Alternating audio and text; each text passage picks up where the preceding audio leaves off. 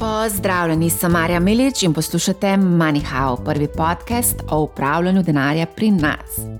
V seriji mini epizod bomo objavili v prihajajočih tednih nekaj izsekov iz dogodka MoneyHow Live, ki se je zgodil konec oktobra letošnjega leta. Ob tej priložnosti bi seveda vas povabila tudi na nov dogodek MoneyHow Live, ki se bo zgodil naslednje leto in sicer 20. aprila, eh, spet v Kristalni palači. Število mest, kot je bilo tudi zdaj, bo tudi ponovno omejeno. Mislim, da sprejme največ 200 obiskovalcev, tako da vabljeni, da se nam pridružite. Na Discordu sem pa tudi že odprla debato ravno o tem dogodku, ker vas sprašujem, katere goste bi si želeli ponovno uh, slišati, videti, spoznati spoznati, tako da vabljeni v to diskusijo. Tudi sicer vas vabim, da se nam pridružite v debatah na, v številnih kanalih na Discordu.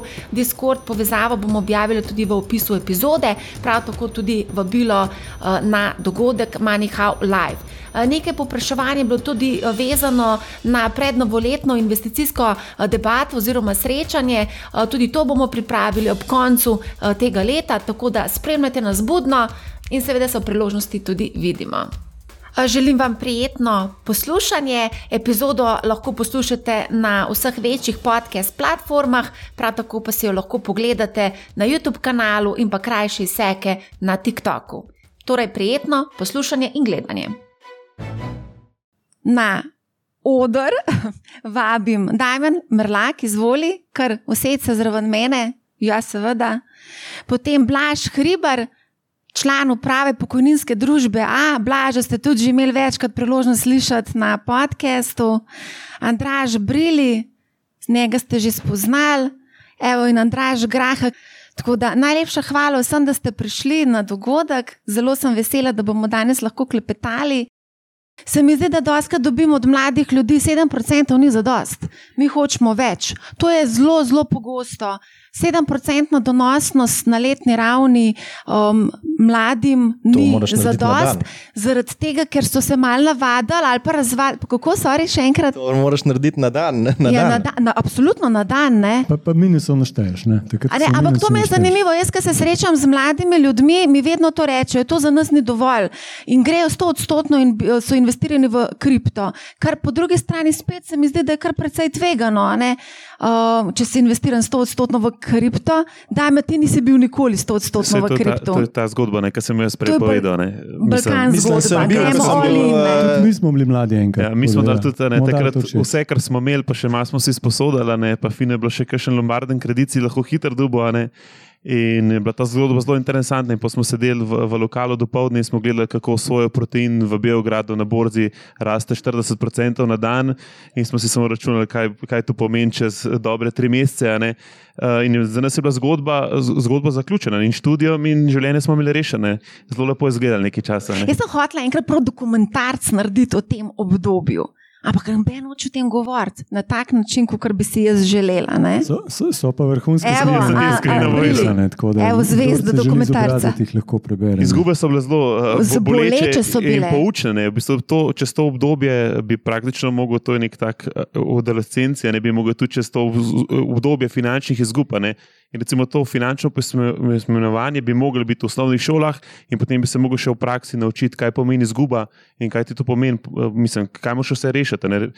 Mi smo se zelo veliko, uh, mislim, jaz sem se osebno tudi zelo veliko naučil, ker sem vzel lombardni kredit za delnice, ker so pač to rekli, da to pa itak nimaš kaj izgubiti. Če boš vzel 50% svojega portfelja še na kredita, ne, boš praktično ni, to ne more pasti, da ti ne bi mogel tega pokriti. Ne, ampak padele pol na Balkanu bistveno več ne, in je bilo treba tudi kredit pol zaprti. Uh, pa zdaj se vprašate, da še kaj pozicij nisi mogel ja, zapreti. Nisem, ne, praktično niso bile delnice, danes Agrobanka, ki je bila takrat zelo popularna delnica, uh, še danes mislim, je propadla in sploh ni likvidna, ne, mislim, ne moreš niti prodati. Ne. Sploh je iz portfelja ne moreš spraviti ven, če proti gre na živce, ki ti je naredila par deset tisoč evrov zgube. Zdaj, ko ti govoriš, kako si ti, ne vem, takrat leta 2006 kupoval zelo lombardnim posojilom delnice, jaz ti pa lahko povem, da tudi danes to počnejo ljudje na zelo visokih položajih. Blaž Brodnjo konkretno mi je povedal, da pač on je investiral v NLB delnice, ni imel denarja, za dosti denarja, vzel je kredit.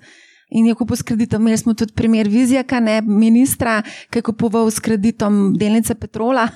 Tako da to so tudi zdaj primeri. No, ampak vse to je klasični margin ja. v bistvu. Ja, ja, v bistvu se, je margin. Se s tem ni nič narobe. Tud, uh, če ponovadi to delajo tisti, ki se spoznajo na naložbe, ki jih počnejo. Zdaj, če to, vem, so to kriptovalute, se moraš pač to dobro spoznati, če so to vem, delnice, se moraš to dobro spoznati in tudi vedeti, kako pa kaj, kaj delaš. Če so to nepremičnine, lahko jih kupuješ s kreditom, tudi naložbene, ampak moraš poznati trg, moraš to spremljati. Zdaj, če ti tega ne poznaš, boš tako, tako zamudil moment, ko bi mogel stopiti ven ne, ali pa ne vem, narediti neki korak na une. Ampak vse en, še zmeraj imamo cel kup mladih, ki v bistvu zelo na hitro želijo zaslužiti in v bistvu jim pač ta. To 7% ali pa 9% ali pa nazdak 15% na letni ravni ni za dost. Ja, temu se reče pohlepa, ne? Se ja. to je čisto lep izraz. Ne? In pač pohlep ponavadi nekaj stane. Veliko krat dobimo vprašanje, eh, kaj pa je narobe, če gremo 100% v kripto. Kaj je narobe s tem? Ja, nič, sej, vsaka šola nekaj stane. če, če, živiš, če živiš pri mami, pač nimaš kaj zgubiti, ne še vedno boš imel kosilo. To je ravno to, sej jaz mislim, da veš. Olin. Ja, vem, vem. Vsake se bi jaz 18 bilo ulin za, za en večer. Ja, danes imajo ja, več, danes jim starši dajo. Pa. Piva, pa pico, ja, danes jim dajo starši ne? in tudi se ne bojijo teh uh, izgub. Pač vedno imajo malo starši še dal. Vedno imajo tam večerjo, če no, pa imaš že družino. Ampak počak, dejansko Damen, se mi zdi, da tudi doska dobim tako vprašanje, tudi zaradi tebe. Tvoj ja, življenjski ja, slog, ne, ti v bistvu prezentiraš Ma. tega mladega človeka, ki je obogatil. Pa jaz sem cel dan doma, pa za računalnikom sedim, večino dni. Ja, to ne vidim vidijo pa ja, te lepe slike, ja. tvoje. tvoje lepe slike vidijo. Vsak dan. Pač takrat, ko ni storijo, ki jih na večino dni ni, takrat se meni ne dogaja nič. Če, ja, se del objavi nič, tako kot Seinfeld. Okay, ja. Zgodba, nič o nič. Uh, ne, hotel sem reči, da uh, ja, kripto je dosti ljudi zmešal, sigurno. To je, pač to je ta negativna plat tega. Zato, ker uh, ljudje, ki so se prvič srečali s tem, ne vem, mladi najstniki, so investirali v kripto in takrat, ko vse raste, so vsi geniji. Vsi, vseeno, kaj si investiral. Vsak tisto, kar je investiral, je mislil, da je ravno on je zadev. Jaz sem bil pameten, jaz sem to zadeval, ampak zdaj, so pa vsi izgubili, zdaj pa noben se več ne pogovarja o tem. Vsi, nikogar več sploh ne srečam, noben nič ne vpraša, noben, kje so avti, kje so lamboti, ne vem. Tega je bilo še eno leto nazaj, noro. Draga nafta. Ja, ja. um, ja, se ta Lambo zgodba je v bistvu zgodba z Dubaja, ki si rekel, da je tvoj kolega te poklical, jaz sem v salonu kupil. Ja, in takrat je bil Bitcoin 40 tisoč, 50 tisoč, 60 tisoč. Skrat sem jaz rekel, to je treba ven, čau. Ja. Ja, in se to bilo itak že po, po bitstempu, ne? Ja, ja, Ampak, ja kar sem imel v Bitcoinu, vse, jaz sem pač vse likvidiral in to je to. In še zdaj imam v bistvu stablecoin, USD. Ampak, veš, da v bistvu zdaj med... niti ne morem ven vzeti, če sem realen, kam ne, kako naj, kam ne. med Bitcoin maksimalisti nisi več tako zelo priljubljen, kot si mogoče bil pred leti. Mislim, ja, sam si, a veš, ljudje te, Ljudje ne marajo nobenega, ki pride pa um, kvari žurko. Ja, zdaj, žurka traja, vse raste in zdaj nekdo govori. To ni v redu, to ni riziko, je, ne veste, kaj delate. Zgubili ste. Si pesimističen. Ne? Ja, in pač zato te ne marajo, se zdaj tega ne delam več. Zdaj, zdaj sem se naučil, da pač pust ljudi pri miru. In ne probam spremeniti mnenja od nikogar. Ne, se, zakaj bi pač mnenja? Ja, včasih pač hočeš dobro namerno ljudem pomagati, ampak se samo zameriš ljudem. Se zdaj, ko zdaj vidijo, da ne, si imel prav. Ampak še vedno ne vem, če si če pa pridejo nazaj, pa priznajo, prav si imel. A ste zdaj ob kripto čisti, ker je zelo veliko bankrotov bilo v zadnjem času? Ali lahko rečemo, da se da se dogaja tukaj kaj. Blaž, ti nič ne spremljaš, kripto tebe to čisto vseeno, ne? Ne, ni mi vse. Mislim, uh, mislim, meni osebno je vse en, za našo na, družbo je vse en, ker nismo investirani. Definitivno pa spremljamo vse, kamor ljudje pač z veseljem vlagajo svoj denar. Ne? In če je nekaj pohlep, ne, me to seveda zanima, ne? ker tam nočem biti. Ne? Če pa nekje panika, ne, me tudi to zanima, seveda, ne, ker tam pa bi rad bil. Ne, Tako da, uh, kar se sentimenta tiče, so te zgodbe meni zelo, zelo zanimive. Se si omenjala prej svojo kariero, moje finance, ne pa razni foreksi in podobne zadeve, ne pač uh, ali pa happy, happy kult ali pa karkoli, no se vse en. Skratka, ljudje smo zelo nagnjeni k temu, da bi radi na lahek, enostaven način, brez truda, obogateli. In uh, smo zelo dojemljivi za to. In to gre pogosto v neke res ekscese. Ne? Uh, in z tega vidika je meni Bitcoin fascinanten, tako kot drugi baloni uh, ali pa neke manije, bom rekel. Ne? Um, in v, Sloveniji že v zadnjih 20 letih, prej smo omenjali Balkan, ne, našo uh, zgodovino, polomes je bil zlato. Ne, če se spomnite, na 5 metrov v Ljubljani so prodajali zlato. Ne. To je bilo leta 2011. Ja, 2,5, čez eno leto so zamenjali tablo, na mestu prodajam, kupujem ne, zlato nazaj. Ne.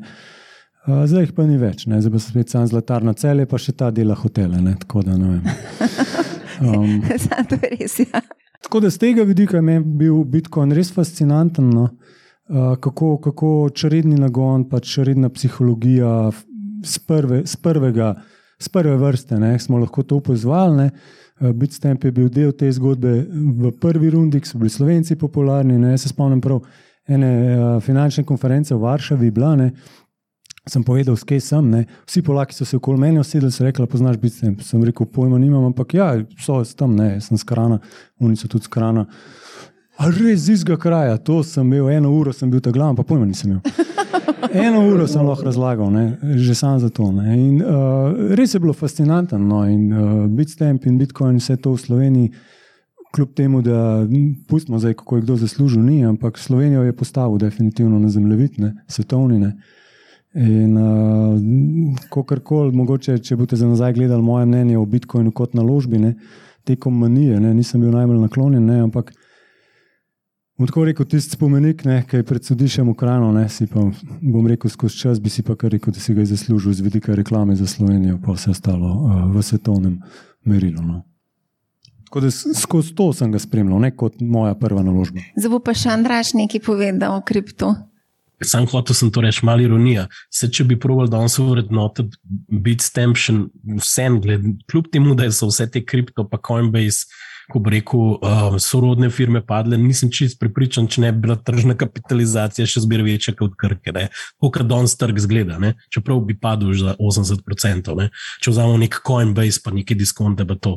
To sem hotel reči, da, da, da je to zanimivo, no? uh, kako koli. Tako da impact je imel, klej sem se bolj hotel pridružiti uh, blažo, ampak lej, kdo ve. Ne? Um, odlično, a gremo kar naprej na naslednjo točko. Ampak kdo kakšno vprašanje vezano na kripto? Kar pogumno, amben ne bo nič naredil. Nikola, boš ti kaj vprašal?